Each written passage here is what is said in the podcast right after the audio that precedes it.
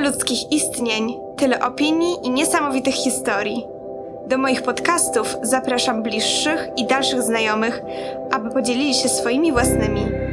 Jestem Julia Lulkowska i zabieram Was dzisiaj w podróż w kosmos.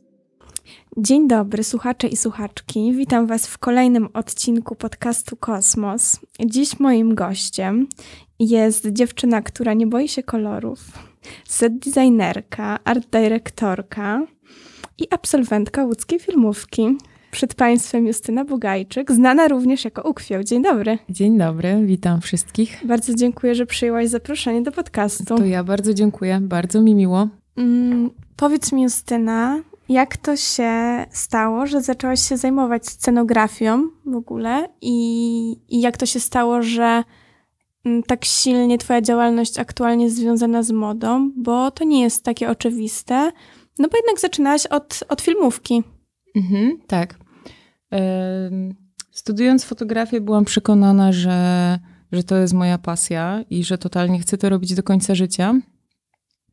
Bardzo szybko okazało się, że tak nie jest, bo już chyba na drugim roku studiów u Tomka Albina na zajęciach dowiedziałam się, czym jest y, w ogóle taka działalność scenograficzna, jak to buduje zdjęcie, jak mocno się to zwiąże w ogóle z całym charakterem fotografii.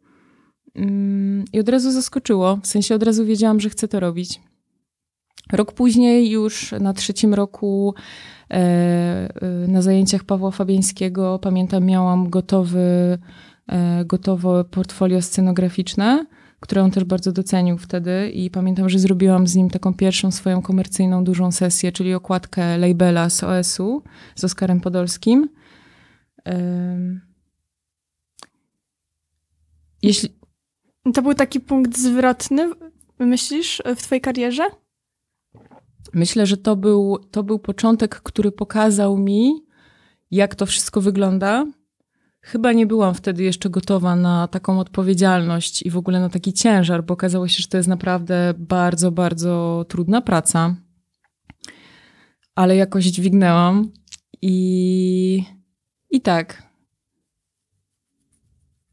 Wiesz co, ja jak, się, y, jak robiłam sobie research przed naszym spotkaniem, tak. e, to znalazłam e, twoją wystawę e, Helotyzm. Tak. I tam bardzo no, skupiasz się na, mm, na obiektach, na przedmiotach. Tak, i na przestrzeni. Mhm. Tak. I wydaje mi się, że właśnie to skupienie na przedmiocie jest e, bardzo charakterystyczne dla ciebie. Mhm. Nawet jak tu weszłaś i zaczęłaś robić zdjęcia, mhm. to skupiłaś się na konkretnych przedmiotach. Tak, tak, to prawda.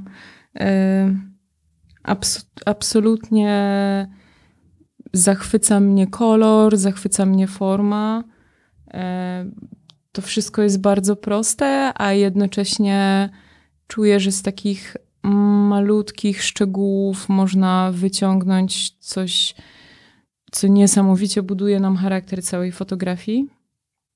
Mm, tam też rzeczywiście w, w moich projektach e, artystycznych też mocno skupiałam się, może nie we wszystkich, ale gdzieś tam ta przestrzeń, e, która się wiąże z człowiekiem, który w tej przestrzeni żyje, e, była dla mnie zawsze bardzo ważna. W ogóle uważam, że trochę przedmioty budują człowieka. To znaczy przedmioty, których używamy codziennie, potrafią zbudować wizerunek człowieka, który je używa, który, który ich używa. I że to też jakieś niesamowite relacje właśnie z, z tą częścią nieożywioną, którą mamy na co dzień. Mm. To, co mówisz, wskazuje na, na pewien rodzaj jednak dokumentowania relacji z przedmiotami, mhm. a fotografia modowa jest czymś po drugiej stronie, tak mi się przynajmniej wydaje, że jednak to jest bardzo kreacyjne. Mhm. Tak, fotografia modowa rzeczywiście, mam wrażenie, daje bardzo dużo przestrzeni do kreacji i do budowania y, abstrakcyjnych światów. Mm, I to jest super. Chyba to tak naprawdę najbardziej mnie urzeka w modzie. I oczywiście to, że wiąże się to z pięknymi przedmiotami, które absolutnie uwielbiam. Jestem estetką i jakby nie da się tego obejść w żaden sposób. Mm, chociaż nie ukrywam, że moda gdzieś tam coraz bardziej. Yy, coraz bardziej Zawodzi cię? Zawodzi mnie, tak. Zawodzi mnie. Z, z, zawodzi mnie. Ma, mam wrażenie, że w ogóle świat przechodzi e, jakiś ogromny przełom i że ludzie mm, nabierają coraz więcej świadomości. E,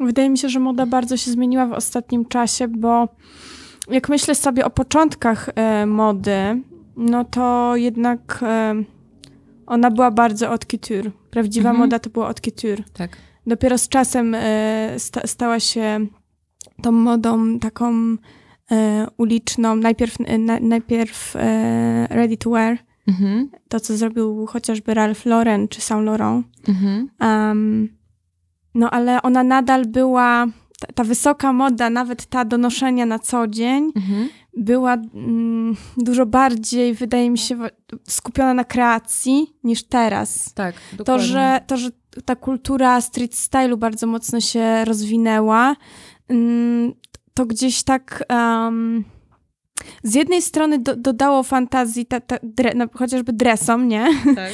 bo, bo to jest bardzo popularny ubiór teraz, ale z drugiej strony pozbawiło modę tego takiego blichtru, który zawsze miał.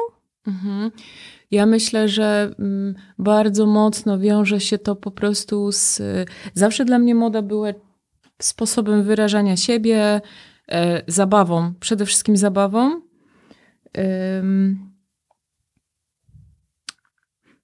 Teraz czuję niestety, że coraz bardziej przechodzi w to w jakiś taki biznes, który jest bardzo nie fair wobec ludzi.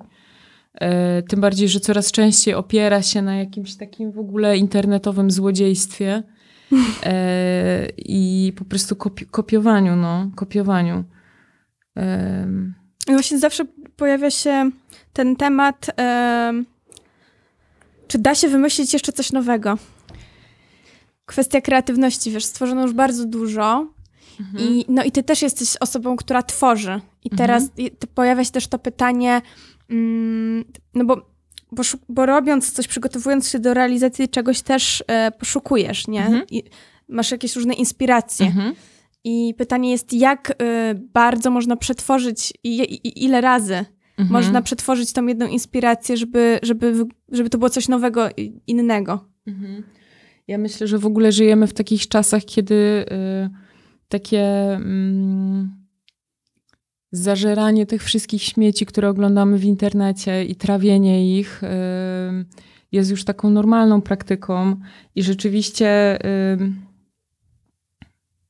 bardzo trudno teraz, y, bardzo trudno o granice, y, gdzie jest coś nowego, a gdzie jest coś, co jest powtarzalne. Ale trudne pytania Julka wymyśliłaś.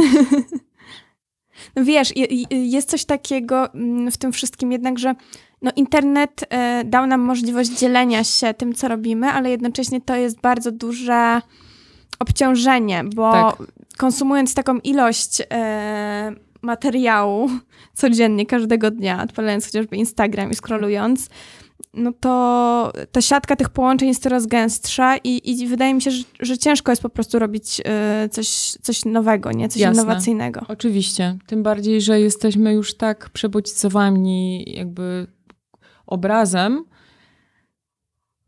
że to automatycznie trochę nas blokuje gdzieś tam przed wymyślaniem super świeżych rzeczy, bo, bo, bo wszystko gdzieś tam już jest, każdy coś tam zrobił i ciągle obserwujemy to, co wskakuje nowe i gdzieś tam jest to też taki wyścig kreatywności. Bardzo mi się to nie podoba. Mm. No ale kurwa, internet jednak daje nam takie pole, że musimy się po prostu liczyć z konsekwencjami tego, co robimy i e, jakby to, to są po prostu złe strony dobrej rzeczy. E, Wiesz co, ja myślę, że to jest trudne, żeby z jednej strony robić cały czas coś nowego, a z drugiej strony być trendy. Mhm. Bo, bo takie są oczekiwania Mhm. od, od ludzi w internecie.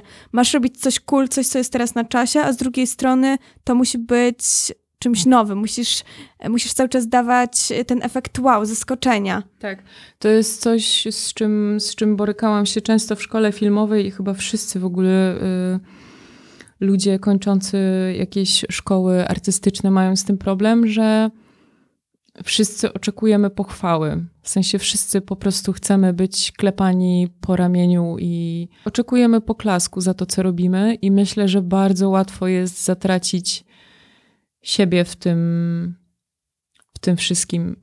Po prostu bardzo łatwo pójść za tym, czego oczekują od nas ludzie, nie wiem, wykładowcy, w zależności od tego, w jakiej sytuacji jesteśmy. To jest bardzo trudne. Ja nie wiem. Mm, Wiesz, tworząc cokolwiek tak naprawdę, kreując, to wydaje mi się, że no, dajesz jakąś cząstkę siebie w tym wszystkim. mhm.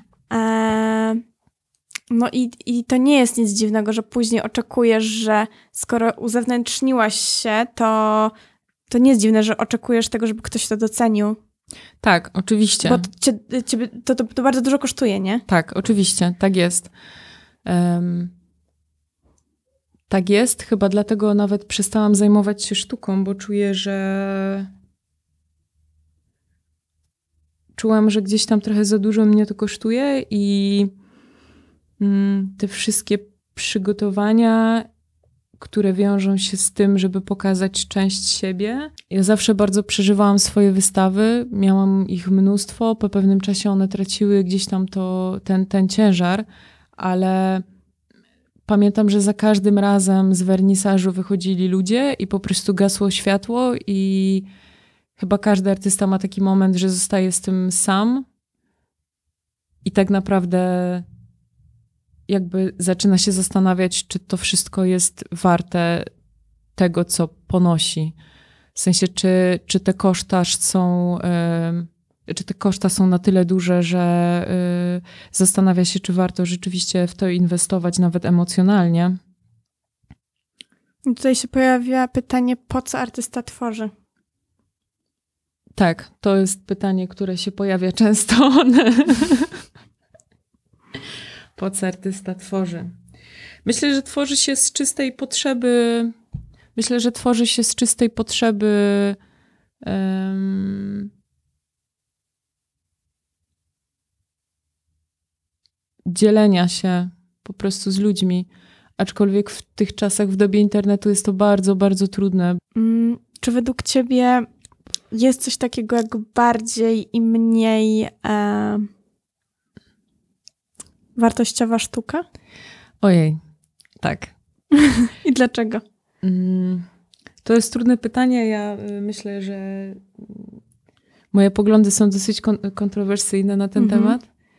Em, Rzeczywiście ja jestem za takim mm, oldschoolowym pojęciem sztuki dla sztuki i nie do końca nie do końca zgadzam się z tym, że sztuka powinna być językiem e, językiem ludzi, którzy walczą o coś. Nie do końca uważam, że sztuka powinna być społeczna. Em, I nie do końca uważam, że sztuka powinna być na usługach czegokolwiek. Myślę, że sztuka powinna być po prostu zwierciedleniem y, artysty tego, co czuje i właśnie przetworzeniem świata przez niego po prostu. Mm, Czy to podejście właśnie przekłada się na to, że zakończyłaś teraz jakiś etap w swoim życiu? Przez ostatnie dwa lata y, sprawowałam funkcję art dyrektora w Witkacu. Myślę, że to był bardzo dobry czas w moim życiu, ale mm, dużo większą satysfakcję chyba przynosi mi teraz rzemiosło i robienie rzeczy ręcznie i spędzanie czasu właśnie ze sobą. No te rzeczy, które robiłaś dla Witkaca były bardzo określone, były bardzo jakieś. mhm. Jak się to oglądało, jakby wcześniej te realizacje, które Witkac robił, one były niezauważalne właściwie. Mhm. I, I właśnie odniosłam takie wrażenie, że dzięki tobie on zaczął być widoczny, Mhm. zwłaszcza w internecie. Przez to, że robiłaś rzeczy bardzo, właśnie bardzo określone, bardzo jakieś bardzo charakterystyczne, Mhm. bardzo konceptualne. Ja za każdym razem się dziwię, kiedy ktoś mi mówi coś takiego, bo mam wrażenie, że ym, że te rzeczy są, które robiłam dla Witkaca są bardzo poprawne i też y, to była to była trudna praca przez wzgląd na to, że nie mamy żadnego określonego targetu Witkaca, to znaczy to są bardzo, bardzo różni ludzie. I ja też wewnętrznie czułam, że nie mogę do końca pozwolić sobie na ukwiał, po prostu na bycie ukwiałem e, na, tej, na tym stanowisku. I że czasem można coś pokwasić bardziej, ale jednak generalnie e, starałam się ten content robić dość uniwersalny. Mm, Ja pamiętam, e, jak wyszła, chyba to była halloweenowa sesja być tak, może? robiona z, Z- Łukaszem Jasiukiewiczem. Tak, Mhm. i z, z, z, paznokciami Patrycji Jewsieni. E, Tak. I było takie zdjęcie, gdzie modelka miała buty z odkrytymi palcami, miała doczepione paznokcie u stóp. A, tak, I ludzie bardzo to skomentowali e, nieprzychylnie. Tak, ale mieliśmy, mieliśmy bardzo, bardzo dużo. E, To i tak była rzeczywiście dosyć hardkorowa sesja, jak na, jak na taki, e, taki Instagram. E, Ale ja pamiętam komentarze ludzi na zasadzie, kto by to tak nosił? I ludzie chyba nie rozumieją, że to nie musi, że jakby to nie musi, te zdjęcia nie muszą przedstawiać tego, jak masz to dokładnie nosić. To jest pewna wizja artystyczna. ja, ja myślę, to że być kreatywne. ludzie w Polsce e, do końca... Jakiego ty słowa użyłaś? Że tak się tego nie nosi. Mhm. Ja w ogóle uważam, że ludzie w Polsce nie do końca czują modę i nie do końca wiedzą, jak to nosić, i gdzieś tam to logo jest nadal dla nich najważniejsze. Yy, A przecież zupełnie, zupełnie nie o to chodzi yy, w modzie. No właśnie, powiem ci, że ja, ja pamiętam, jak, jak robiliśmy otwarcie e, butiku Hermesa w, w Mhm. mojej agencji. No i, i przy, przyjechali ludzie tam z Paryża i ze Szwajcarii. I oni byli od stóp do głów ubrani w Hermesa, ale jakoś nie było widać tego. Mhm. Tam nikt nie świeci logo, a Jasne. w Polsce mm, posiadanie pieniędzy równa się logo wszędzie, gdzie Tak. to jest możliwe. Tak, zgadza się, zgadza się. To, to często zresztą widać, wystarczy wejść do Witkaca i... Yy... Oj, jest, y, są naprawdę bardzo specyficzne grupy ludzi ubierających się w luksusowe ubrania w Polsce. Yy, Nie wiem do końca, dlaczego tak to wygląda. Myślę, że edukacja od dzieciństwa, edu, edukacja wizualna, estetyczna powinna być wprowadzona po prostu dla wszystkich.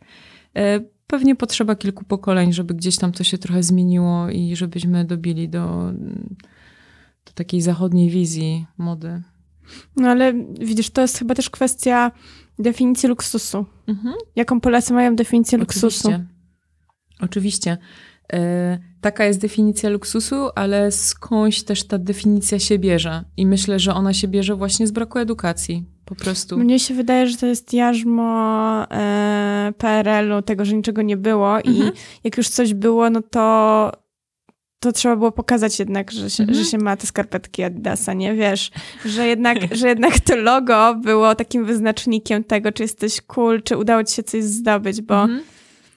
no to, to, to, to był taki e, mm, status trochę. Mhm. I nadal tak jest. I jest to trochę przerażające dla mnie, bo nie do końca nie do końca y, jest to ym, jest to troszkę niezborne właśnie dla mnie z samym pojęciem mody i z tego y, w ogóle skąd to wszystko się bierze. Tylko z chęcią pokazania tego, że, że, że te pieniądze się ma.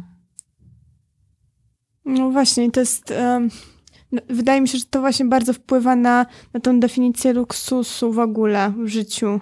Że mm, ponieważ jednak większość osób e, w Polsce to nie są ludzie z, z rodzin, które zawsze miały jakieś ogromne majątki. tak. Tylko no, teraz to pejoratywnie zabrzmi to słowo, którego użyję, ale nowobogaccy, jakby Mhm. to jest taka silna grupa. To nie jest, uważam, to nie jest nic złego, bo no, no ciężko pochodzić z rodziny, która od, od wieków miała miliardy na koncie, No, tak? Poza tym to jest, to no. jest super, że właśnie Polacy mieli w sobie tyle takiej zawziętości, żeby osiągać, osiągać sukcesy, mimo tego, że no było dużo ciężej niż na Zachodzie, żeby cokolwiek Mhm. zrobić, żeby osiągnąć sukces. A właśnie Polacy pokazują, że mają w sobie na tyle dużo samozaparcia, potrafią ciężko pracować, że Mhm. byli w stanie sobie do tego statusu dojść. Mhm, tak. Tylko to też wpływa właśnie na to poczucie estetyki i na to pojęcie luksusu Mhm, tak. że jednak my chcemy pokazywać. To jest to, jest to, to o czym kiedyś rozmawiałam z moim znajomym, że na wsiach, e, on, on pochodzi z, ze wsi, właśnie mówi, że no i przecież jak się robiło płot, to się nie robiło całego płotu, nikt nie robił płotu, z- płotu z tyłu podwórka, tylko od frontu. tak Jak się malowało widać. dom, a nie Mhm. było oczywiście. do końca pieniędzy, to od frontu, żeby jak ktoś przechodzi ulicą, żeby widział, że jest pięknie, ładny i dobrze i że są Mhm. pieniądze w domu Mhm. że jednak my mamy w sobie coś takiego, że, że no, robimy jednak rzeczy na pokaz. Robimy. Przecież nawet e, wyjście na właśnie na wszystkich świętych na groby, Mhm. na grabbing tak, Tak. zwany, no to tak, to jest event, nie? To jest, to jest event po prostu. Panie wystrojone w futra z norek, w liski, e, kozaczki, obcasy, Tak, szpilki między się. tymi wszystkimi grobami, tym, wiesz, ubłocone. No ale trzeba wyglądać, nie? Trzeba Tak. się prezentować, trzeba pokazać. Tak. Myślę, że. Mm, ja szczerze mówiąc, y, z tej dzisiejszej perspektywy, dla mnie największym luksusem jest posiadanie wolnego czasu i możliwość wyjścia na spacer z psem i z chłopakiem i napicia się dobrej kawy. I to jest po prostu. mm, No ale, ale zobacz, y, musisz pamiętać o tym, że e, ty, ty już miałaś ten etap, kiedy pracowałaś tak mega, mega dużo, że nie miałaś właśnie tego czasu dla siebie i dla te, Tak. dlatego teraz jest to dla ciebie tak, em, tak ważne, Mhm. ma dla ciebie taką wartość. Bo być może y, ktoś, kto nie, nie dotarł nigdy w swoim życiu do tego, żeby nie mieć tego czasu dla siebie, Mhm. no nie jest w stanie tego, tego czasu tak wartościować. Mhm. Nie wiem, być może. Być może to jest kwestia wieku, y, być może jakiejś świadomości, ale rzeczywiście w tym momencie uważam, że czas jest najcenniejszą wartością, jaką możemy mieć w ogóle. Ciężko jest być kobietą scenografem? Bardzo. Dlaczego? Bardzo, bo wiąże się to z, z fizyczną, trudną pracą. Mm, głównie. Mm, Są opinie, że usłyszałaś kiedyś, że mm, nie dasz rady pewnie czegoś zrobić? Nie. Nie, nie usłyszałam tego nigdy. Chyba się cieszę, że tak się nie stało. E, Ale rzeczywiście to jest bardzo trudne, chociaż akurat w Polsce mamy ekipę głównie scenografek, to znaczy jesteśmy bardzo silnymi kobietami. Jesteśmy dumnymi Polkami i to jest super. Em, Ale jest trudno też dlatego, że niezależnie od tego, czy jesteś kobietą, czy mężczyzną, to jest trochę.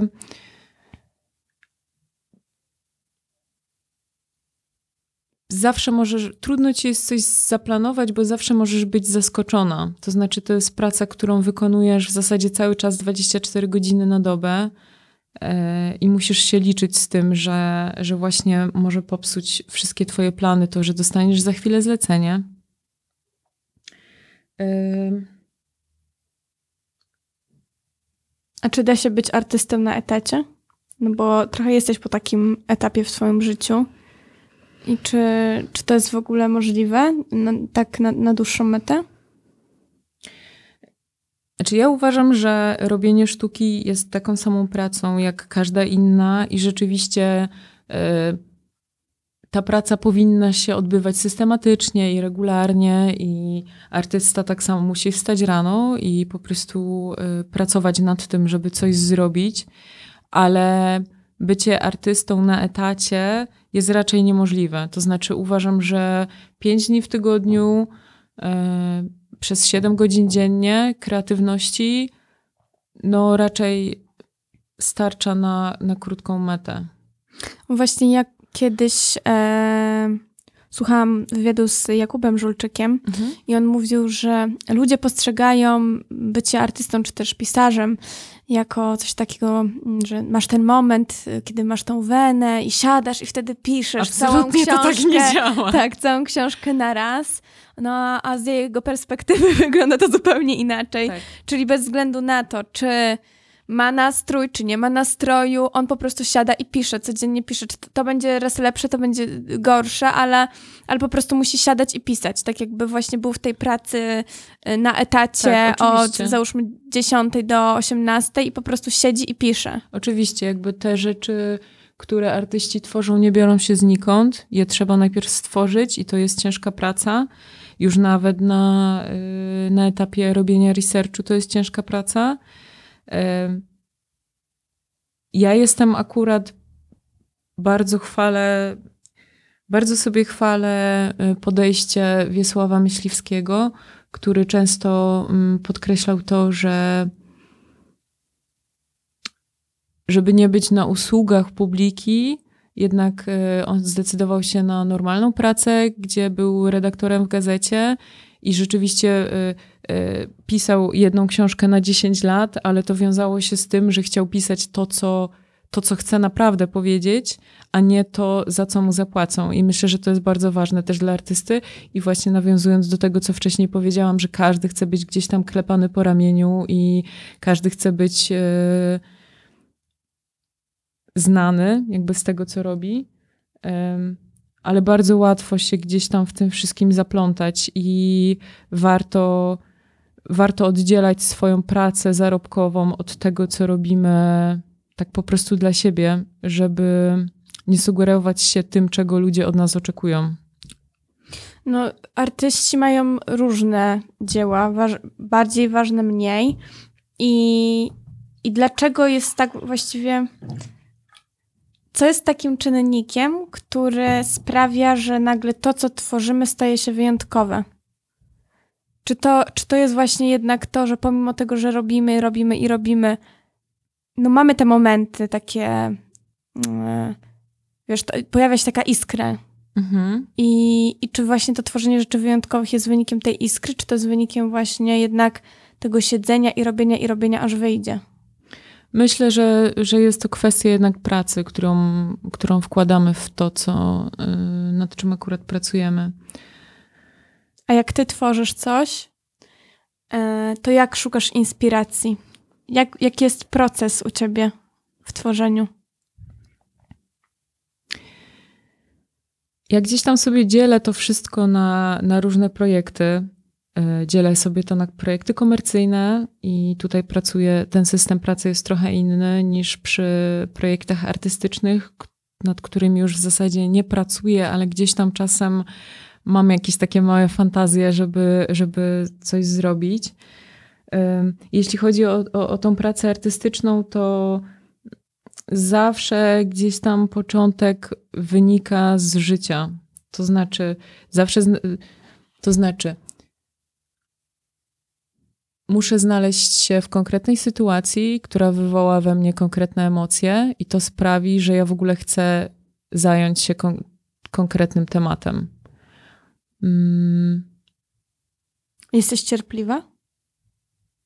Staram się być bardzo cierp- cierpliwa. Chyba jestem, aczkolwiek przez tą cierpliwość. e, Nie, nie jestem cierpliwa. nie wiem. Oj, chyba jestem niecierpliwa jako człowiek, aczkolwiek wiem, że często w pracy trzeba, y, trzeba dać sobie ten czas na to, żeby coś dojrzało w głowie, ale też bez przesady. Należy też wyczuć moment, w którym jesteś już gotowy, gotowa do pokazania tego, co chcesz, do skończenia. W ogóle jakby samo określenie tego, czy y, ta, to dzieło jest skończone, jest bardzo trudne dla mnie, bo ja zawsze jednak czułam, że coś mogłam jeszcze wycisnąć. Mm, Uważasz, że w tym procesie twórczym e, należy się trzymać wizji, którą masz na początku, czy traktować to jako taką trochę niewiadomą, Mhm. że idziesz sobie, masz taką drogę i ona jest dosyć kręta i możesz sobie troszeczkę lewirować, gdzie skręcić, którędy pójść. Ja osobiście uważam, że ta droga, którą idziemy, robiąc coś, jest absolutnie najważniejsza i właśnie należy dać sobie tą wolność i szukać, dużo szukać. Aczkolwiek pamiętam, że zawsze byłam na siebie wściekła, kiedy mm, miałam konkretne postanowienia e, dotyczące jakiegoś projektu i czułam, że muszę gdzieś skręcić i nie wiedziałam do końca, co robić, czy skręcać, czy nie, ale myślę, że warto skręcać i warto szukać i warto kombinować, nawet jeśli to się nie pokrywa z naszą pierwszą wizją, e, no bo o to właśnie w tym wszystkim chodzi. Właśnie jeden, Oszukanie. jeden z moich profesorów e, teraz na studiach e, powiedział, że mm, żebyśmy się za bardzo nie, nie zapętlali na tym, że, że obraliśmy sobie jakiś temat na pracę. Dokładnie. I, mm, bo miał studenta, który przyszedł na licencjat do niego i miał właśnie bardzo określony temat, który sobie wybrał. Y, No ale okazało się później, że to chyba jednak nie jest to i powiedział, że tak długo szukał, aż zrobił doktorat. Tak, właśnie.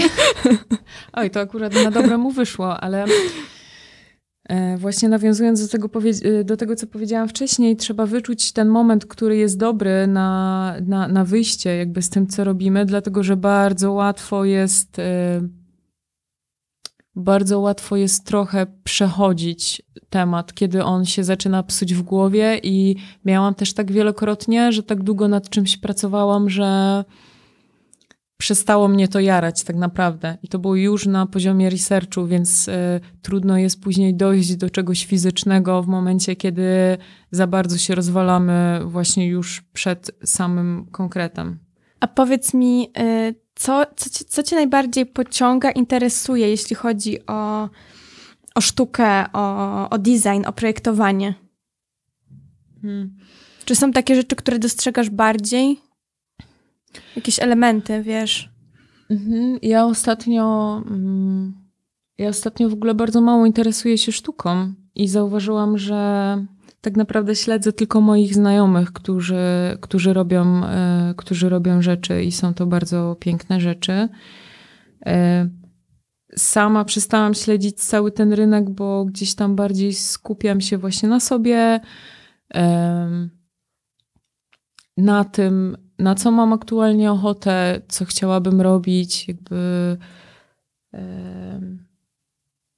Ostatnią moją pasją jest ceramika, którą kocham totalnie, absolutnie e, i chcę ją robić cały czas. I wiążę też teraz jakieś swoje plany e, z ceramiką. Totalnie wciągające zajęcia. Wspaniałe, relaksujące, a jednocześnie wymagające dużej wiedzy, żeby wszystko wyglądało tak, jak się chce, żeby to wyglądało.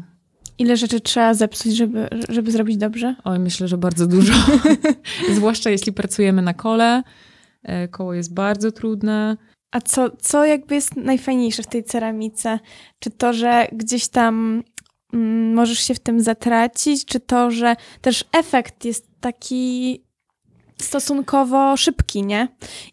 A też możesz, te, te jakby masz, oczywiście, wszystko jest kwestią umiejętności, ale masz pełną kontrolę nad tym, e, co z tego wyjdzie, Absolutnie nie ma się pełnej kontroli nie? nad tym, co wyjdzie. Zwłaszcza właśnie pracując na kole. Mhm. E, Ja tak naprawdę zawsze siadając do gliny, absolutnie nie wiem, jak skończę wieczór. To znaczy, nie planuję tego, jakie rzeczy robię, tylko po prostu oddaję, y, oddaję y, swoje ręce tej glinie i to ona tak naprawdę narzuca mi, co tam dzisiaj z niej wyjdzie. Czy się da ulepić, czy się nie da ulepić. Ona jest bardzo charakterna, więc y, trzeba jej po prostu słuchać i ją kochać i rzeczywiście wtedy zaczną wychodzić piękne rzeczy z tej współpracy. Niesamowite, bo ja właśnie myślałam, że to działa w drugą stronę, że możesz właśnie dzięki, dzięki temu materiałowi, który jest taki plastyczny, Mhm. właściwie mm, nadać jej Konkretną ka- formę. tak, każdą formę. Ale to nie jest takie proste. W, kiedy już zaczniesz to robić, to rzeczywiście ona nie zawsze cię słucha i nie zawsze chce ułożyć się tak, jak ty chcesz, żeby się ułożyła. Dlatego to jest trudne. Mhm. No właśnie, ja na pewno nie mam takich umiejętności, żeby stworzyć dokładnie to, co bym chciała, ale, ale to ciekawe. Tak, to jest, to jest piękna sprawa. Ja wszystkim polecam. Wiem, że teraz ceramika e, cieszy się ogromnym zainteresowaniem i bardzo dużo osób lepi i ja się tylko z tego cieszę. A słuchaj, powiedz mi jeszcze, bo miałaś taki e, moment w swoim życiu, kiedy właśnie e, jeszcze tam, jeszcze studiowałaś w Łodzi, ale pracowałaś w Warszawie i tak Mhm. no, żyłaś trochę między dwoma miastami. Tak. I, I czy to jest trudne też dla, właśnie dla, dla tworzenia w ogóle samego? Oj, to Być jest, w takim to, rozstrzale? to jest bardzo trudne. Ja w ogóle, żeby cokolwiek chyba, chyba mm, robić, potrzebuję dużego spokoju i bezpie- bezpieczeństwa. I tak naprawdę dopiero kiedy osiadłam tak na stałe w Warszawie i się tutaj zadomowiłam, poczułam się dobrze i poczułam, że mogę teraz, kiedy te wszystkie moje podstawowe y, potrzeby są zapewnione, to mogę skupić się na tym, co robię. Aczkolwiek mieszkając w Łodzi i żyjąc bardziej tamtym miastem, przyjeżdżając tylko tutaj, byłam z kolei bardziej nastawiona na, na robienie sztuki i to też był bardzo ciekawy moment. Czy właśnie to, że teraz za- zaczęłaś się zajmować tą ceramiką, to, to też nie jest właśnie wynik tego, że masz jakąś statyczność w swoim życiu? Masz coś takiego bezpiecznego? Mhm.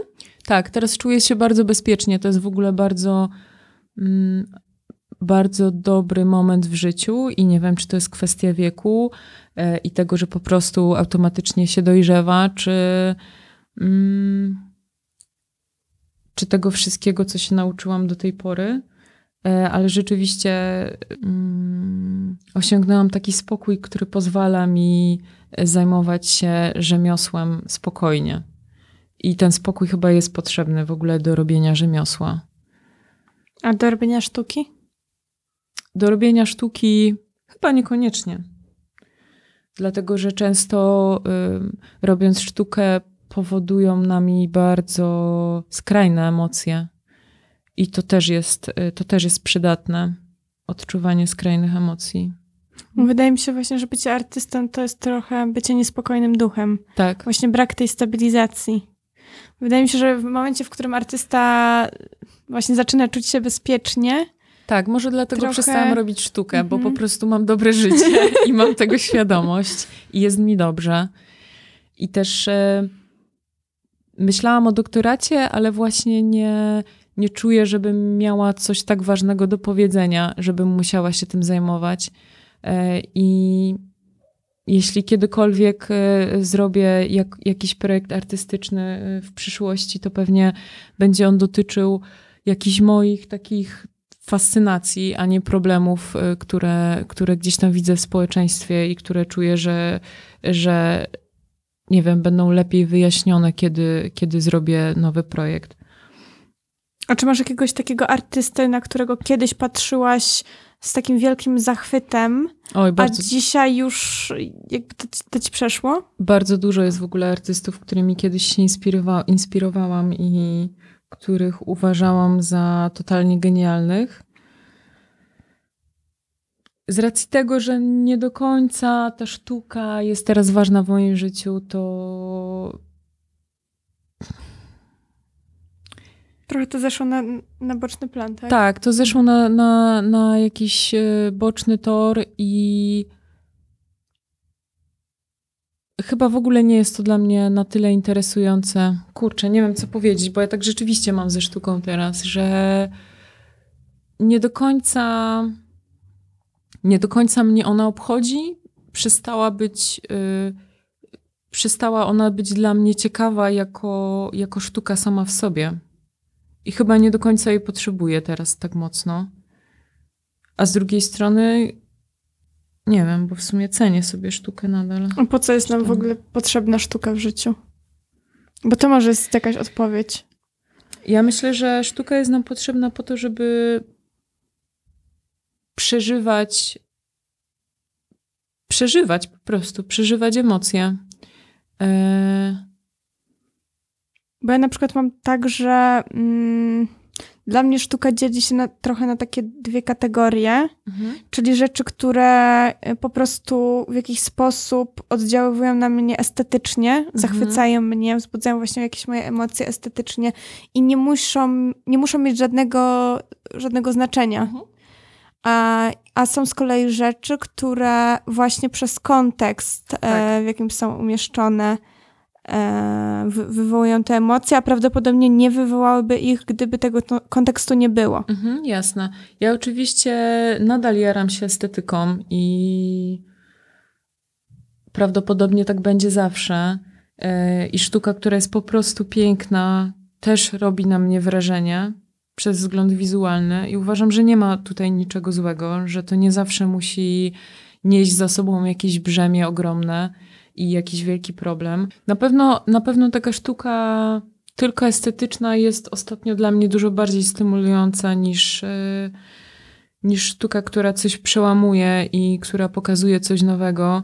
E, Tym bardziej, że te, te czasy chyba dla sztuki już się gdzieś tam skończyły. W sensie e, większość artystów teraz po prostu wykorzystuje tematy, które są, które są ważne w społeczeństwie. A też nie wiem, czy do końca właśnie sztuka powinna do tego służyć. Mnie się wydaje, że sztuka może być happeningiem, ale nie musi. Że Tak, oczywiście. Jakby mm, oczywiście. Indywidualne. Dokładnie, dokładnie tak. To jest to bardzo indywidualne.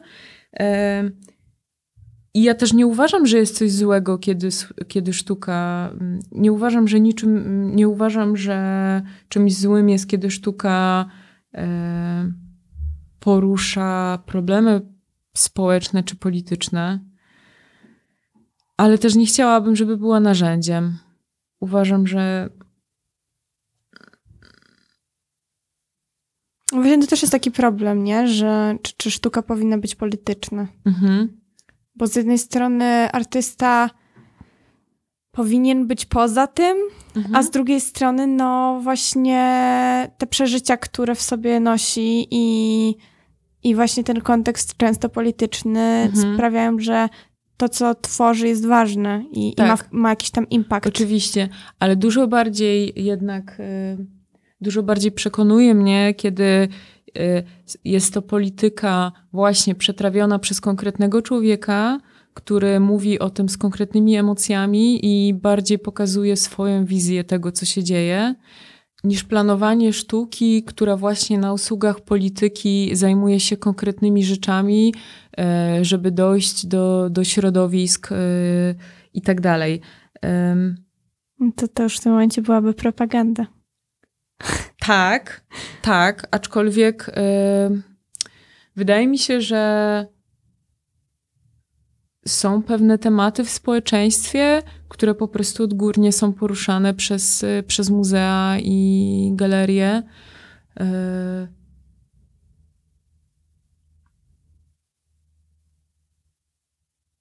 Powiedziałeś, że czujesz się teraz bardzo bezpieczna w swoim życiu. mhm.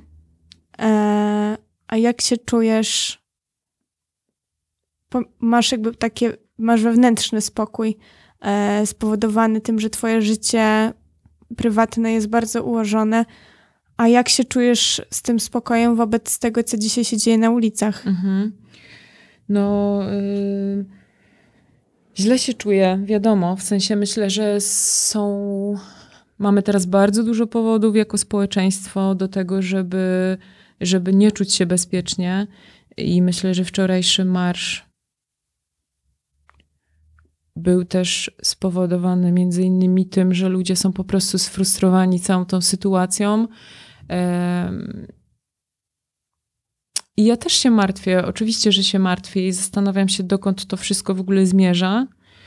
Y, Ale najważniejsze jest zachować spokój wewnętrzny, który, który właśnie mocno czuję, bo nie mamy tak naprawdę żadnego wpływu na to, co się stanie. A świat się cały czas zmienia i wszystko się cały czas zmienia. I to jest pewna stała, z którą się trzeba zgodzić po prostu. A czy artyści właśnie uważasz, że to jest ten moment, w którym powinni wykorzystać e, to, co się dzieje, e, żeby ma- manifestować e, siebie, swoje poglądy Mhm. manifestować sztukę po prostu. Myślę, że dużo osób to zrobi. I spoko, ale dużo bardziej wolałabym iść do lasu i nie wiem, pogadać o grzybach po prostu, Mhm. bo to mnie chyba bardziej interesuje teraz. No dobrze. To ja ci życzę, żebyś właśnie dalej miała w sobie ten spokój, żebyś mogła chodzić sobie bezpiecznie do lasu i, i gadać o grzybach. E, no i, i, i żebyś tworzyła tą ceramikę, żeby, że- żeby to koło było coraz bardziej rozpoznane przez ciebie, byś, żebyś mogła je bardziej kontrolować. Bardzo dziękuję. Myślę, że to dobre życzenia i myślę, że bardzo, bardzo mi się teraz przydadzą. Dziękuję Ci bardzo. Dziękujemy Dziękuję też również. wszystkim słuchaczom i słuchaczkom. Słuchaczom i słuchaczkom, tak. E, Jeśli dotarliście do końca, zapraszam na następny podcast. Mm, Zostańcie z nami na naszych social mediach, na Instagramie, na Gołaucie. E, No i do, do usłyszenia. Dziękuję Ci jeszcze raz bardzo, Justynka. Bardzo dziękuję. Buziaczki. Buziaki, pa. Pa, pa.